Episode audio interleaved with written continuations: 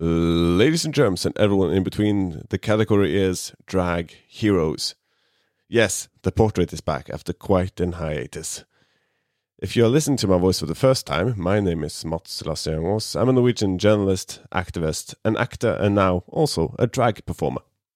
And this is the show where I sit down to talk life and craft with my biggest heroes. So it's fitting that the first episode back is with one of my biggest drag heroes, the German drag legend Barbie Breakout. Barbie is the beautiful host of Drag Race Germany, in addition to being an activist, a podcast host, an author, and so much more. Barbie is not afraid to use her voice to raise awareness around important topics and subjects, and often uses her drag to maximize the potential attention.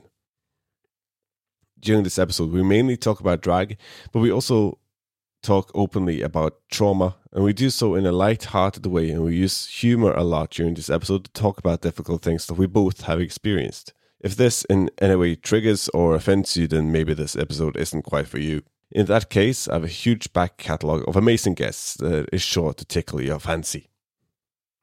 With that out of the way and without any adieus being furthered, here is Barbie Breakout.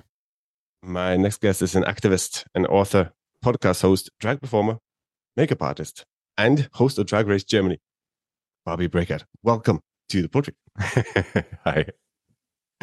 Thank you for having me. Oh, thank you for, for agreeing to do this because you're, uh, at least from, from what I've seen, you're, you're very busy these days.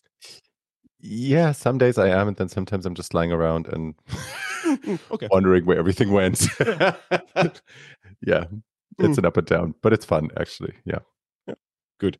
Um, I, I, I, I know what you mean because I, I, was uh, I was doing a lot of drag stuff uh, a couple of weeks mm. ago, and this week I'm I'm not I'm not doing anything. I'm just lying on the couch watching TV. So, how old are you? I'm 32.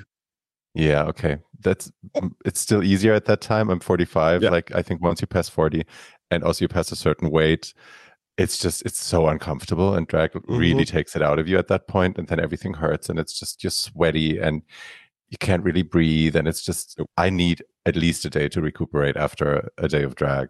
Mm-hmm. and i'm not even doing the clubs anymore or the full night i'm just doing like little things and still i'm like i can't. No.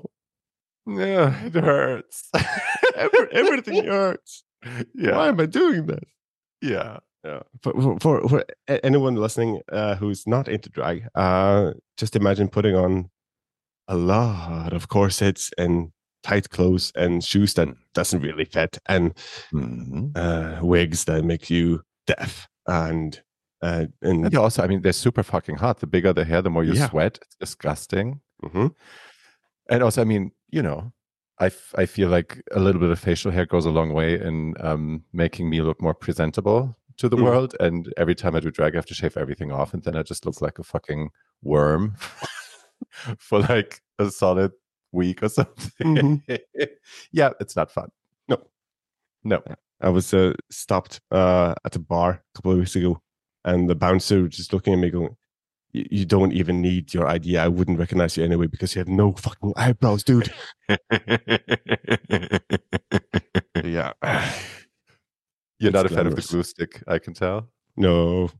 I, I, tried. I gave up after a couple of like four hours of just trying to get one eyebrow down.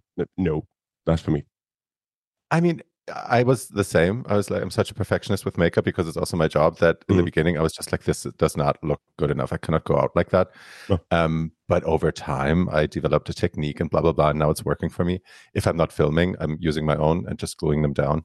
Mm. Um, yeah but I appreciate everybody who rocks the no brow look during the day. I think it's good. All drag is valid, as they say. Yeah. Yeah. sure. Mm.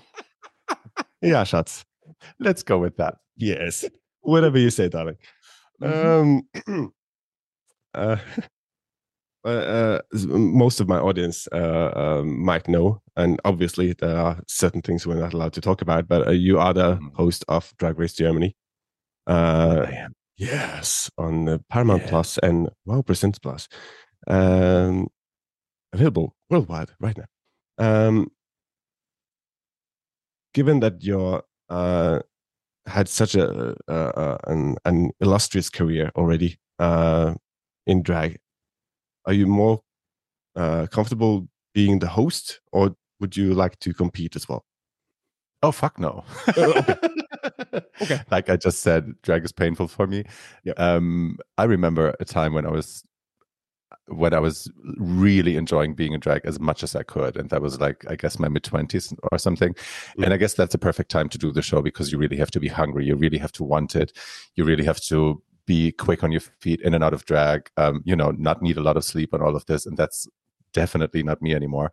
Um, no, I'm very comfortable as the host. I love, um, I love learning everything that goes into creating the show and also i mean i've been such a long time fan. I've been a, a fan since the day that the first episode aired. I literally streamed it illegally uh, on the same night that it aired. Mm. um, and i've been addicted ever since. And it's just i mean i feel like i could bring something to the the the competition by being myself as the host um, that's also something that is nice for the girls to have, you know, like an hmm. experienced mm. drag queen who sits there and, you know, is willing to share some some tips and, you know, also has a little bit of empathy for what they're going through. I think that's that's something that was nice for the girls and was nice for me to do.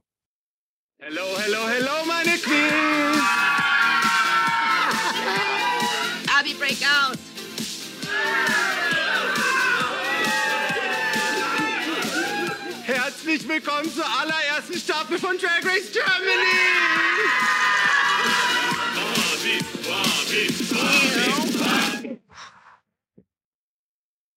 I suppose that that's uh, a lot better to have that sort of uh, experience on the other side of the of the table, mm. uh, as opposed to.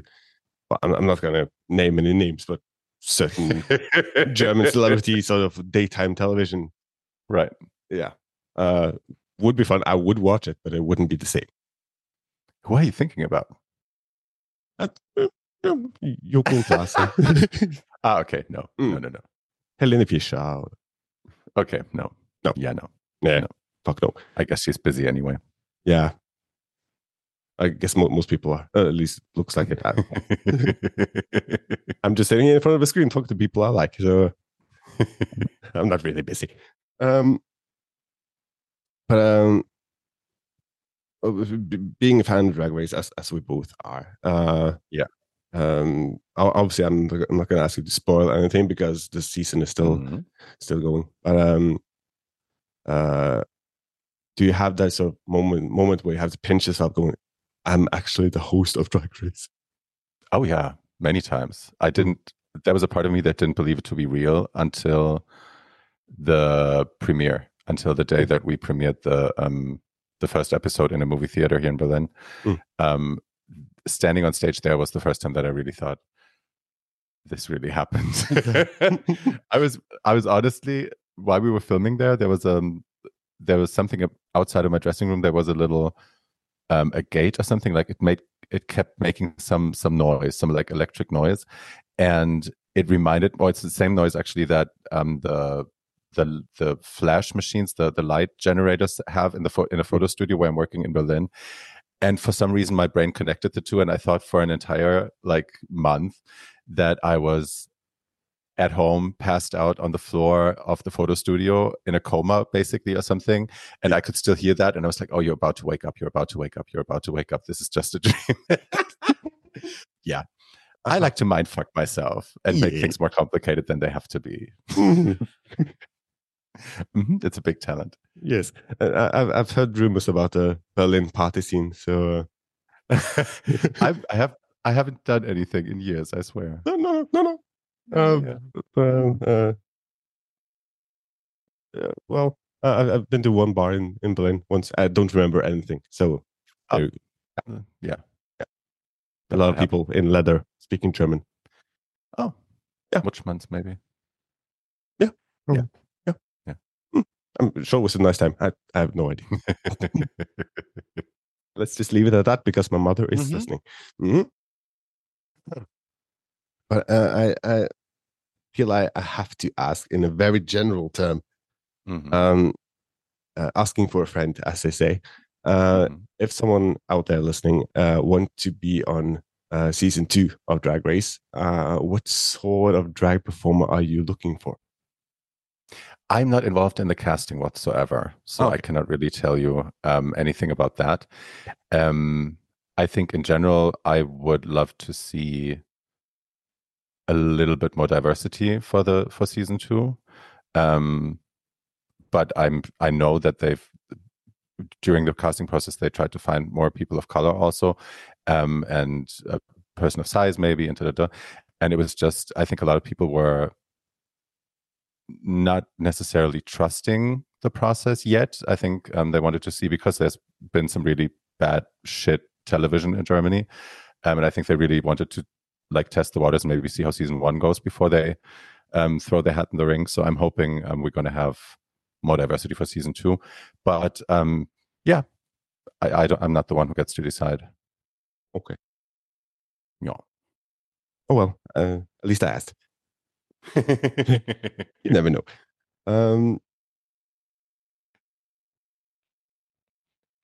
being uh, one of, uh, at least in in my words, uh, one of the biggest uh, drag performers in Germany. Um,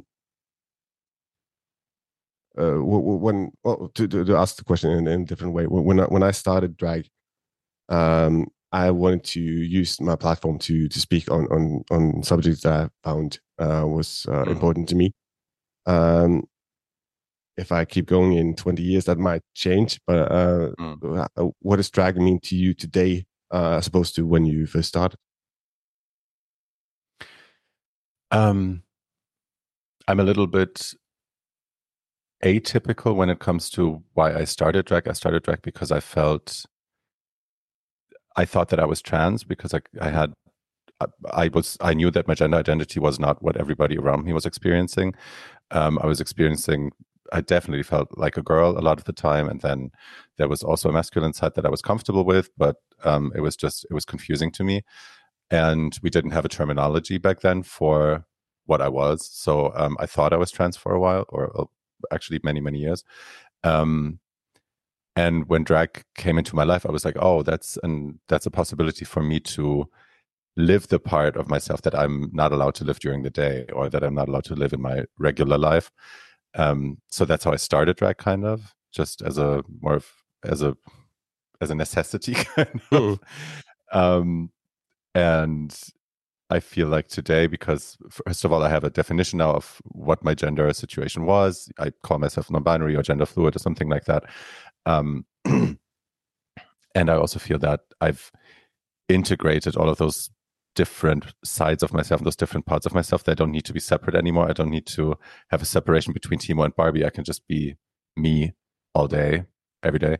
Um, and so I feel I don't I don't have the the psychological need for drag anymore. Now I just use it more as a as something like you said to um to increase the volumes uh, the volume of the things that I want to put out into the world, if I have criticism, if I have activism, if I want to speak on behalf of people with HIV or something, um, it always gathers more interest and more attention if I do it in drag. So that's what I use it for a lot of the time.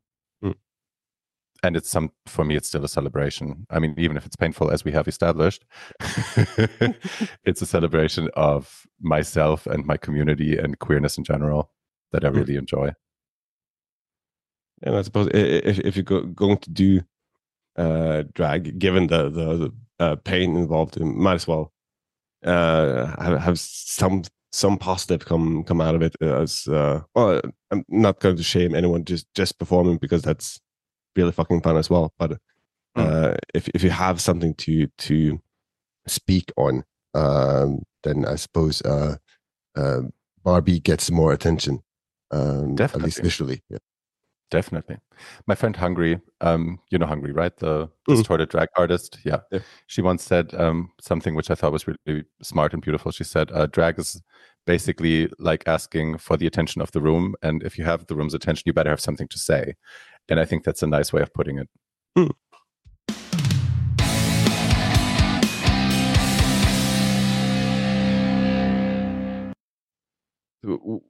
How how did you get get to the point where um, your voice became so clear that you are able to use it for for activism because um, I mean, uh, calling out uh, uh,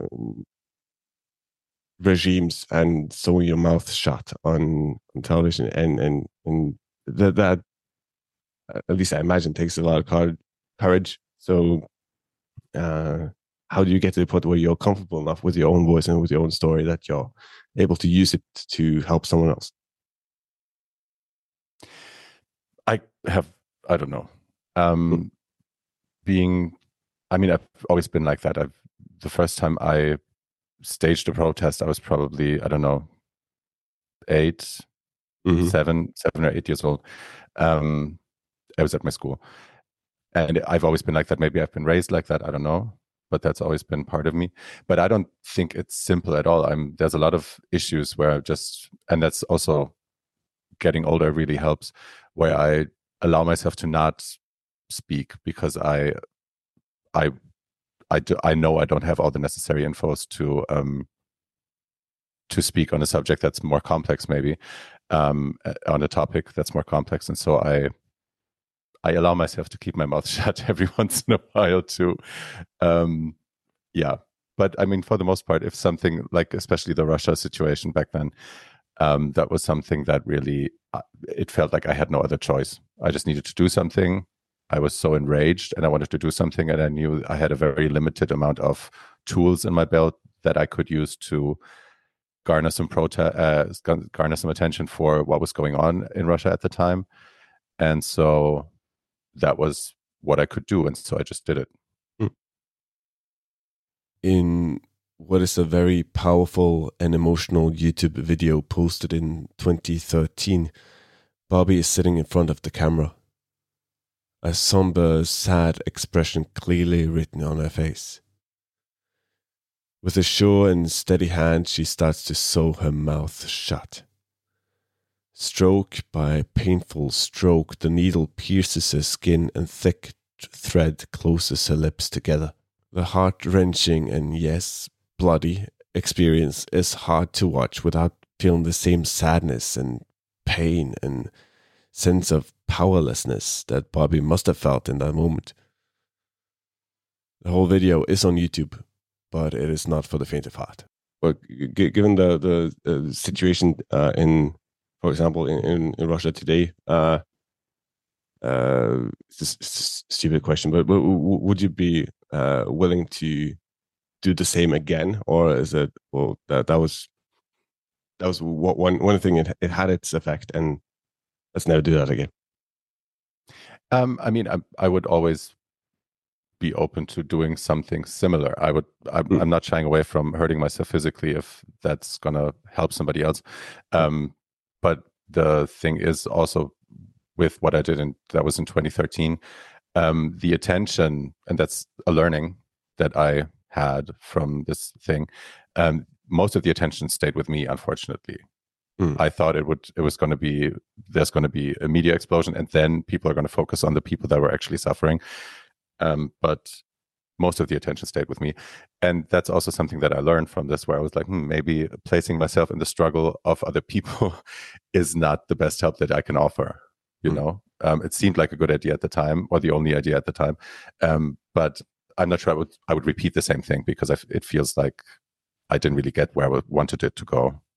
You know, so um, I wouldn't do the same thing again. No, but I would, yeah, totally do something similar if I felt that I could avoid the same mistake. Mm. I suppose as well, uh, as, as you said, um, you get a, a, a lot more uh, experience and, and, and, and wisdom um, with with age, and uh, I, I'm I might do something now that I uh, would ever think of doing when I'm forty or fifty or whatever. Uh, so perhaps with age comes the, the knowledge or the experience enough to to say, well, I know when when to speak and when to just sit here and observe.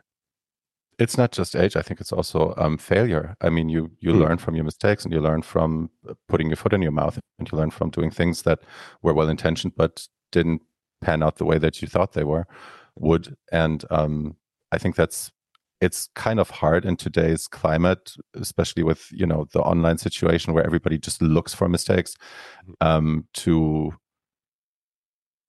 to allow yourself to you know try things and the old trial and error way to just find out um, because today like i said people are looking they're waiting for somebody to make mistakes so they can you know bash the hell out of them so yeah i'm not sure if if i did that today for the first time I mean, if I did what I did then today for the first time, um, the outcome would be very different. I mean, I had a little shitstorm from uh, also my community back then for doing what I did because people said that I was just doing it for attention or it wasn't even real or blah blah blah blah blah.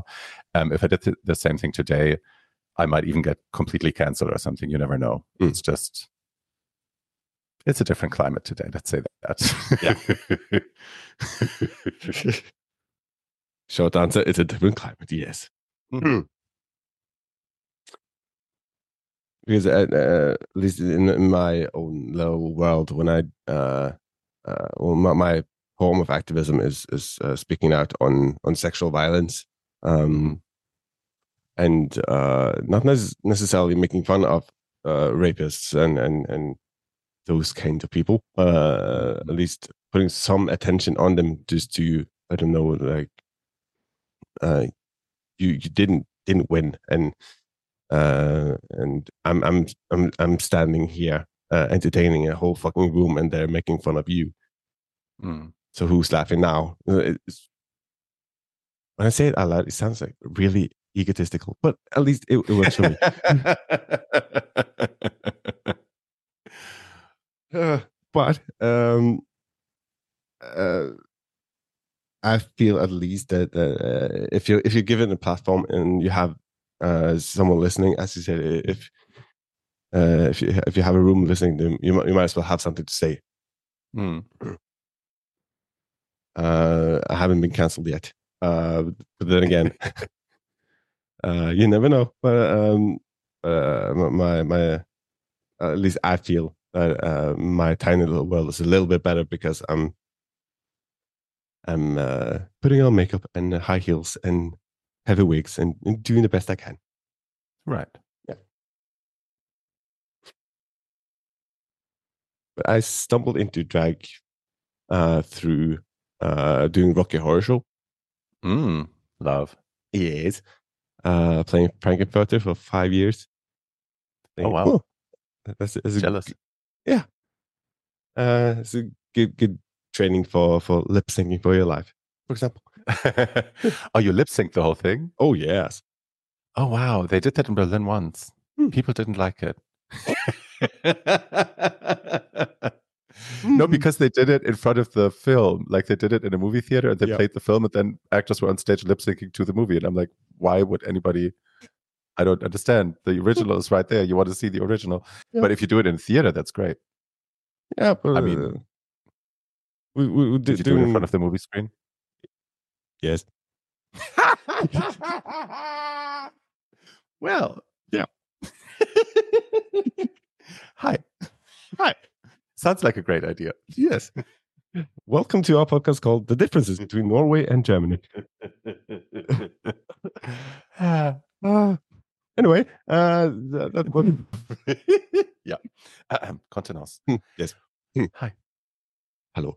Um, uh, so th- th- that's how I stumbled into drag. Um, and uh, of course, looking for, for sources of, of inspiration to to uh, well, let's be honest, uh, teach myself how, how to do makeup and not mm-hmm. look like I've been run over by the metro. Mm-hmm. Um, and looking to you, looking to uh, many of the, the performers on, on Drag Race Germany, and and uh, a lot of people that have gone before me. Um, you said you start started earlier, but were there any sources of of inspiration that you look to going, oh, I want to do that. I want to be on stage as well. I mean, not not for drag performers necessarily. No. I mean, I have, of course, I was like, we didn't have much back in the day, so. Mm. um, I mean, I, yeah, I was obsessive. I was obsessed with Madonna for a while. Mm. Um, but I mean, in terms of makeup, really, the the only thing you could do was buy the buy as many magazines where they had like little makeup tips for pretty girls. Mm. Um, and I think the first time I heard about contouring or you know changing your face like that as severely as drag queens do it was really the the Kevyn Aucoin book, the 1st uh-huh. one that I bought because I was so interested in makeup anyway. And then this kind of gave me an idea of what you could actually do. But um, we didn't have YouTube. I mean, when I look at those queens today, they really, I mean, they they start drag and then two months later they look perfect. And that's mm. just so fucking rude. Like yeah. it took us years. It literally took us years. I didn't have anybody taking me under their wing. I didn't have a drag mother or anything you know? You had to like experiment and fail experiment and fail all over again all the time until you know eventually it would look somewhat presentable. Mm-hmm. and that literally took years. And the girls do it in like two or three months today. It's crazy. Yep and I mean, literally perfection, right? Like, yeah, they look insane. Yeah. So rude. Any young queens out there listening, at least have the decency and the respect towards yeah. your, your elders to look like shit yeah. for a couple of years. Look busted for a year. Yes. That's, yeah. Yeah. I agree. Mm-hmm. Yeah. It'll make us look better and we will be nicer to you. uh, those, uh, it's not that that many years between us, but uh, we have a, a, a very different uh, mindsets, I suppose, in, in Norway and Germany. So, uh, growing up queer in Germany, um, uh, were there any sort of, let's call them challenges? yeah. Yeah. Yeah. Yeah. Um, I mean, there's the normal kind of bullying that I guess every kind of effeminate looking kid goes through, mm. or yeah, effeminate looking boy. Um, that was, I guess, pretty much normal. I guess every kid kind of experiences some kind of bullying in school. Um, but then um, maybe how old were we? Uh, maybe when I was 12, 13, it started that it actually became physical. Also around the time that I um, had my coming out, my first one. Um, and then it was always a little bit of a like every day kind of was a little bit of a um I had to run a lot, let's say that. And a lot of people when they caught me would just, you know, punch me or throw me to the ground and then laugh at me and shit like that, call me names. Um yeah, that was not nice. But then I um I decided to uh leave my hometown and um, go to a boarding school when I was 16 for the last four years of school and there was actually super peaceful and nice and accepting but um, the years before were really tough yeah. How is it in norway? Is that different? Uh, well I, I, suppose it's better now but I, I, remember when i was in in school uh, it was a lot of well i, I did a lot of running i see. Mm. and uh, i couldn't really fight them because they were well, mostly because they were a lot bigger than me, but also because my mother mm. said, "You, you're not supposed to fight people." um, so I, I try to to freak them out. If they, if they try to corner me, I would just go, "Oh, you can't, you can't touch me! I'll just get a hard on," and I would scare scare them away. That I did not think of. No, but that's a good idea. Mm-hmm. No, but I mean, even the even the teachers um, were afraid of them. You know, we had some. There were some guys that were at a different school, and they would sometimes they would come down to our school. They would like not go to, or sometimes when they were finished after you know the fourth lessons, that they would come down to our school just to like find me and beat me up. And even like the grown teachers didn't want to touch them. They didn't want to get on their bad side. They would just like yell from a window, but they would not physically protect me. So I thought I, you know, first of all, they were bigger than me. Second of all, there was always like 10 of them. So there was no there was no chance even. But even if I had dared to punch back, I just thought they would annihilate me. Like mm-hmm. even you know, if even the grown teachers were afraid of them, there was like no fucking chance that I could ever even survive if I stood up to them. Not that I wanted to, but yeah, I just didn't have a chance. Mm.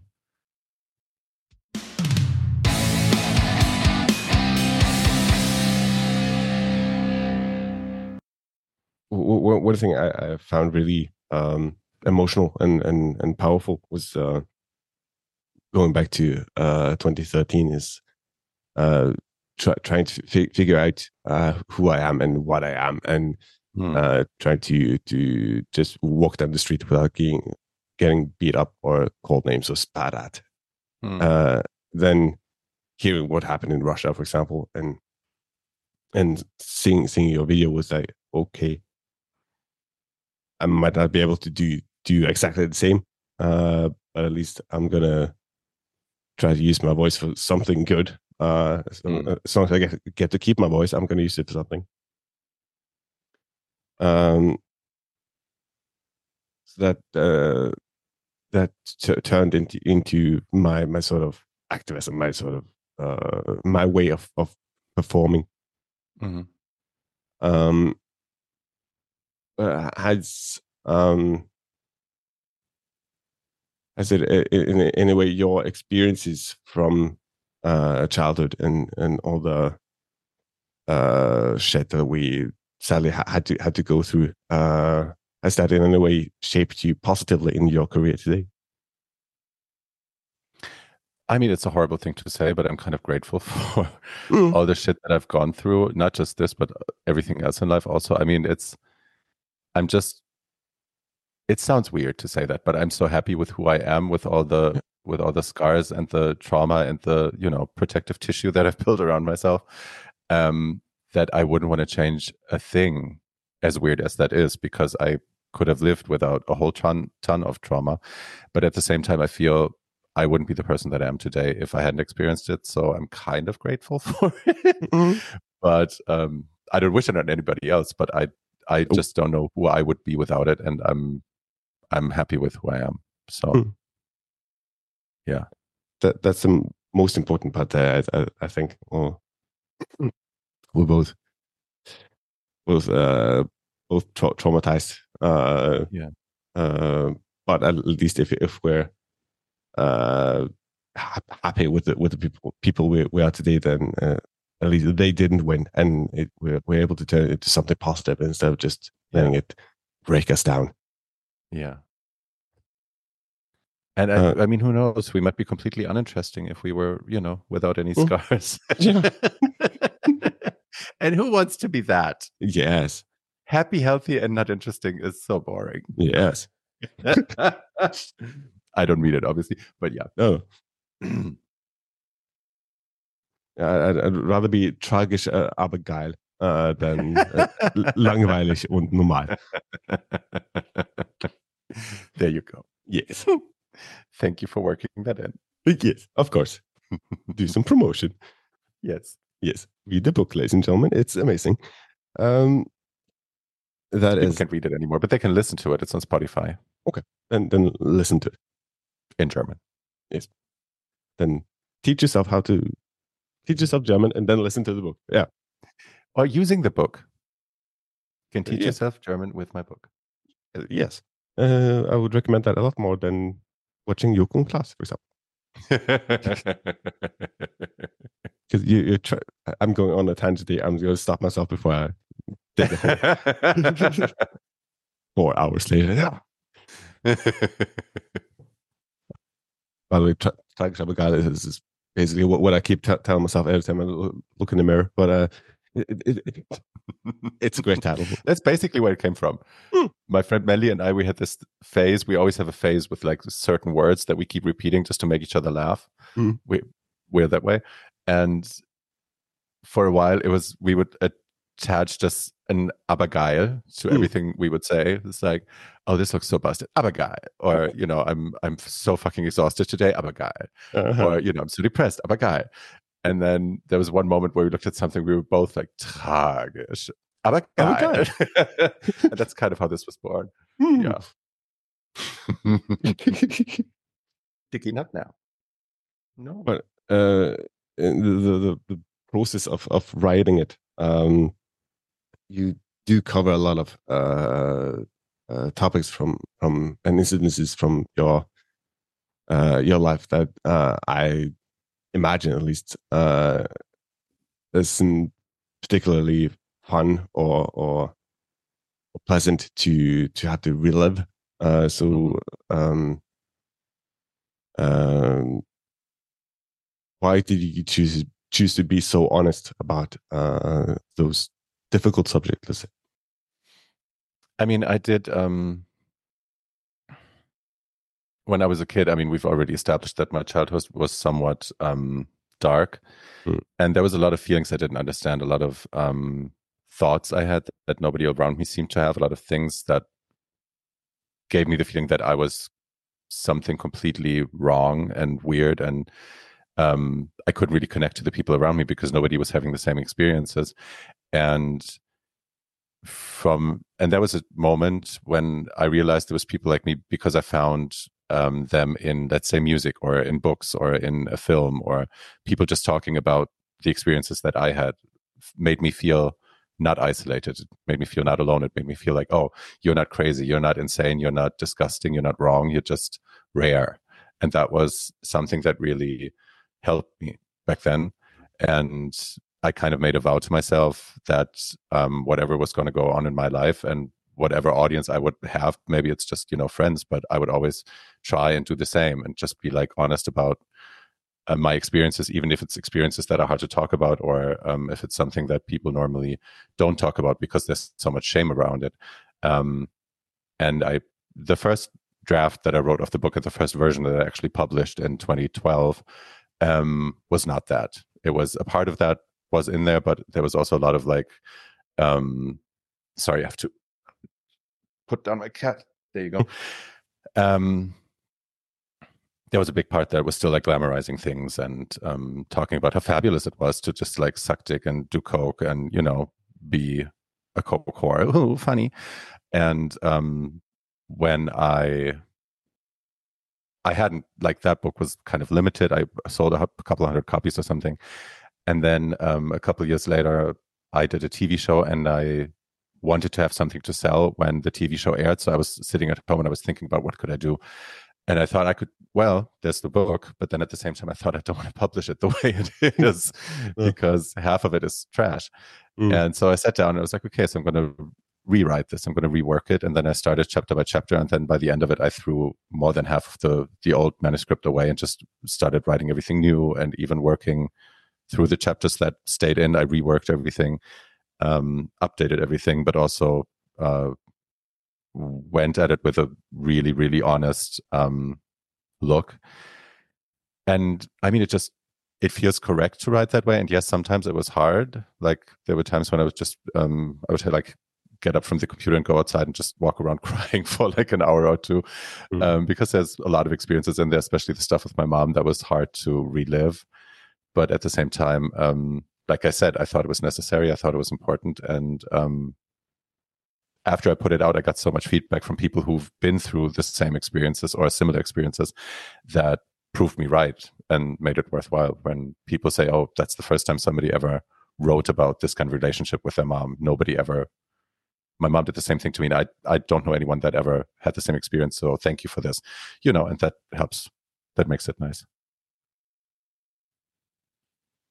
and I suppose uh, my self-defense me- mechanism is always try to make jokes. I'm not I'm not going to make any jokes about uh, w- w- what you've gone through. Um, you can uh, that. That's fine. Okay, I make um, jokes about it. Uh, sure. Uh, but uh, at least I'm just really glad that you rewrote the book and sold that mm. instead of just sitting on TV going, "Cooks." Anyone? Cocaine? yeah, no. Yeah. Other people do that, and that's fine. But yeah. yeah. Mm. You don't have to do everything that uh, other people no. do. No, no, no, no, no. no. We learned that the hard way. yeah. Yes. Um, okay. We're, we're um, trying to to put a more uh, uh, light-hearted, positive spin on things uh, uh, on our, our, last segment here. Uh, what what excites you most uh, doing drag now? Because as we've covered numerous times, uh, it is a lot of pain. It's a lot of work. Uh, the pay isn't always that good. Uh, so true. What what make what what makes you keep going? What makes you keep pulling Barbie out of the closet? Um, I mean, I feel right now it's almost a necessity with how drag phobic, queer phobic the world has become, and how many false narratives are out there about who we are and what we like and what we do and how we are into children and all this bullshit. Um, that it's, I find it almost a necessity to be out there and be visible and you know so people can see who we actually are. Instead of talking about us they can look at us and be like oh. So maybe before i didn't know a drag queen and people could tell me whatever bullshit they wanted because i wouldn't have any way to prove it wrong. But now that i know barbie and barbie is a nice person and not at all interested in children um you know weird. Um mm. i i know better and i don't have to believe these idiots anymore um, so that's one part, and the other part is just I really love the the process of getting pretty. I love looking in the mirror and looking at myself and being like, mm, "Damn, mm-hmm. bitch." Um, I love the the whole glamour aspect, obviously, but um, I also love that it's a new role for me now. You know, I mean, I've always I, not always, but I've been kind of like the mother in Germany for a longer time. Mm. Um, I've been mother to a lot of drag queens. Um, not literally their mother, their drag mom, but like somebody that they would ask questions or come to for advice or something. And now doing it on a bigger scale and on a bigger stage is just um it's really fun. Mm-hmm. It's really nice. I enjoy it. Yeah. And I love looking good. I mean, let's face it. Who doesn't? that part is fun too. Yes. Yes. No, you know what? I would rather not look good for the rest of my life. I mean, I'm, I'm too lazy to look good. Yeah, that's my excuse. well, my, my my my dragon in one sentence is schmerzvoll, aber geil.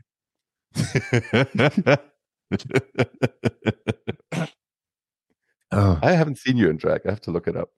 Yeah, um, feel feel, feel free uh, and r- roast me. Um, I'll take that as a compliment coming from you.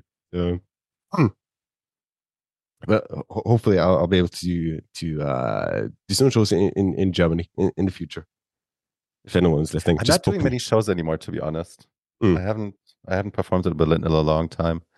Like the the club scene here, and I come from the club scene the club mm. scene here was always if you wanted to, they wanted a drag show to fit in in between two DJ sets yeah. at a party that was already going. So people were dancing anyway, people were high, people were having fun, and then you stop the music, and then there's mm. like a drag show for 15 minutes, and then they continue.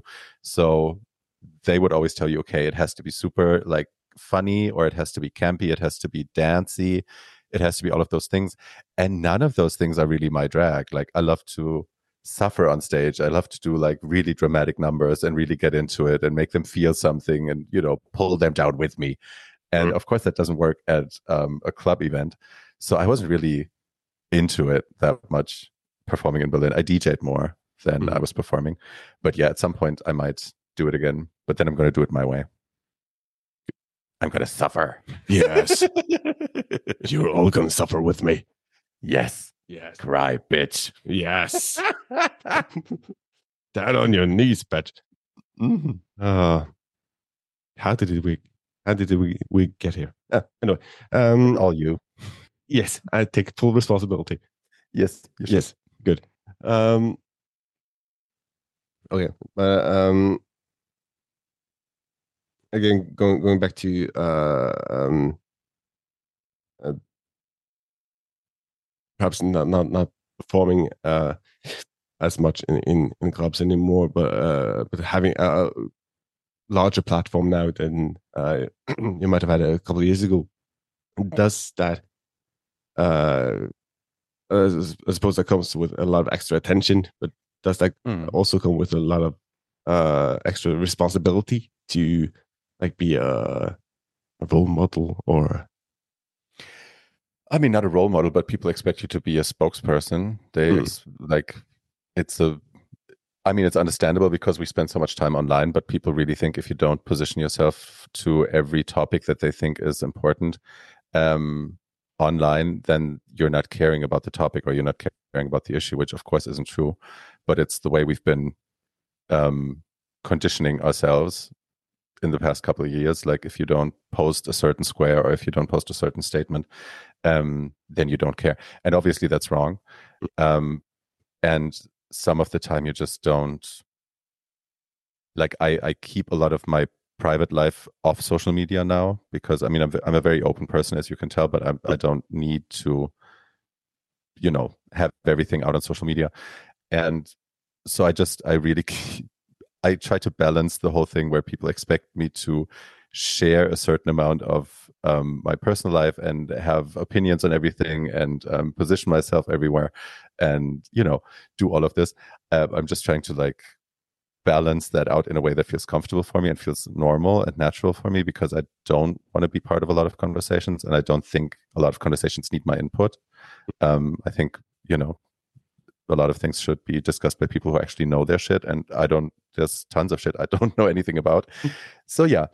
Um it's a weird kind of life right now where I'm some like I said, some days are like like nothing had changed. I'm just like on my couch watching Buffy or something, eating pizza, mm. and it's the same kind of life that I had a couple years ago. And then there's days where I open my Instagram in the morning and go go to my news feed, and I'm I have to scroll past videos and pictures of myself to get to like something else, which is you know weird.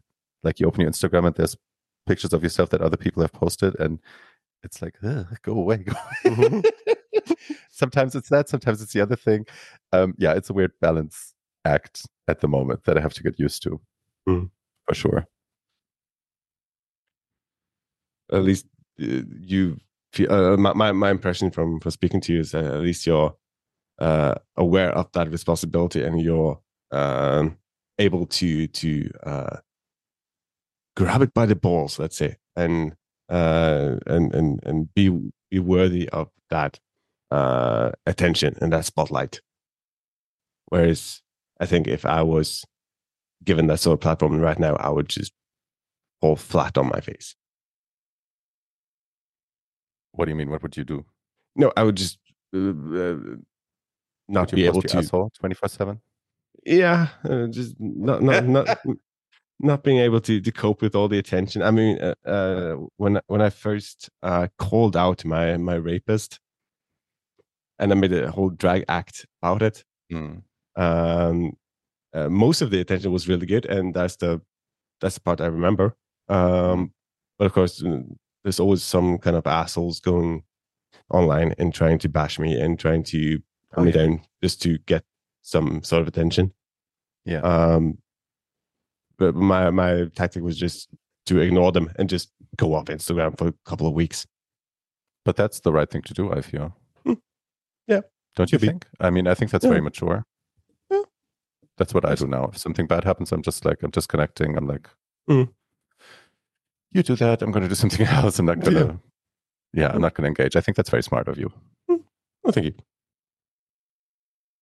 So sometimes you just have to have to go lass, lass die Puppen tanzen and uh, go about your day without caring too much about what the rest of the world yeah. think about you. Yeah, I mean, I I always, whenever I have those moments, and I'm not going to say that you know Naomi Smalls is like the Messiah or something. She's not, but um, there's a moment in I think uh, was it a pit stop episode or something where she was sitting there and they were talking about how hard it is sometimes to deal with the feedback mm. of the drag race fandom, the drag race community, which we now translate to like any kind of attention that you were experiencing.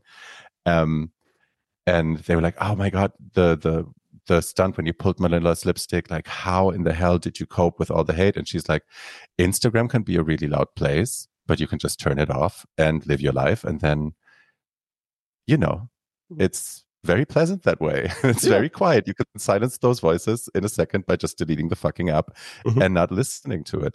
And I mean, I, f- I feel like I need to remind myself of that a lot of times that all the shit that's going on online is not actual real life situation. I can just disconnect from it by just deleting the fucking app mm-hmm. and living my life. And yeah, I mean, in your case, it's something so much more personal than just online hate. But um, mm. yeah, I think it's a very smart thing for all of us mm-hmm. who are experiencing anything like that to just delete the app for a couple of days or maybe a week or two weeks and just drown out the noise. Yeah. Lay on your couch and uh, binge watch Buffy and eat some pizza. Yeah. Yeah. Fuck yeah. Yeah. Therapy, self care. Yeah. I'm a Taurus, so for me, that's self care. Mhm. I'm an Aries, so uh, anything that doesn't involve pain is self care. uh, Yeah. speaking of pain, um, did you, after you called him out, did you, um, did you report him to the police or anything? Was there anything like that? Oh yeah, but uh, it was uh, uh, just his word against mine, so it, it didn't matter anymore. Mm. But uh, oh well, uh, he knows what he's done, and I'm, I, I, I'm free to tell my story because I know I know what happened. Mm. So, uh, but I, I probably won't do it that publicly next time if anything were to happen. Let's hope there's not going to be a next time. No, no, uh, would, would be really nice if it didn't happen uh, uh, anymore. But uh, if something uh, major in my life were to happen, I probably wouldn't post it on Instagram right away. Mm. Uh, but we'll see. What do I know? You live it, you learn. Yes. Ooh, Yes. attention, shiny. Yes. Come love me. Why, why, why don't you love me? Why don't I feel better now? Yeah. Yeah, weird. Why, why am I not a superstar? Mm. Oh well. Um, Barry, it's been uh, a great, great, great pleasure to have you on my show. It's been amazing to be able to to chat chat with you and laugh with you and make fun of uh, stupid people with you. Uh, thank you so much for, for, for for joining me today. The pleasure was all mine, my love. Thank you very much. And I'm sorry for the cats meowing in the background, but they they're very vocal, like their mommy. What are you gonna do? Yeah, Yeah. I raised them right. Yes. You've been listening to an episode of The Portrait. I'm your host, Mats Lasseros, and my guest at this time was German drag legend Barbie Breakout. My sincere thanks to Barbie for taking the time out of her busy schedule to sit down and talk to me. If you have any thoughts, comments, or concerns, please feel free to reach out to me on social media. I would love to hear from you. Don't forget to leave a five star review and tell your friends. It's engagement from listeners just like you that makes this show and my amazing guests possible. Sound clips used in this episode belongs to the respective copyright holders. It is used in an editorial context and falls under fair use. The portrait works in accordance with the ethical code of practice of the Norwegian press. Thank you for listening.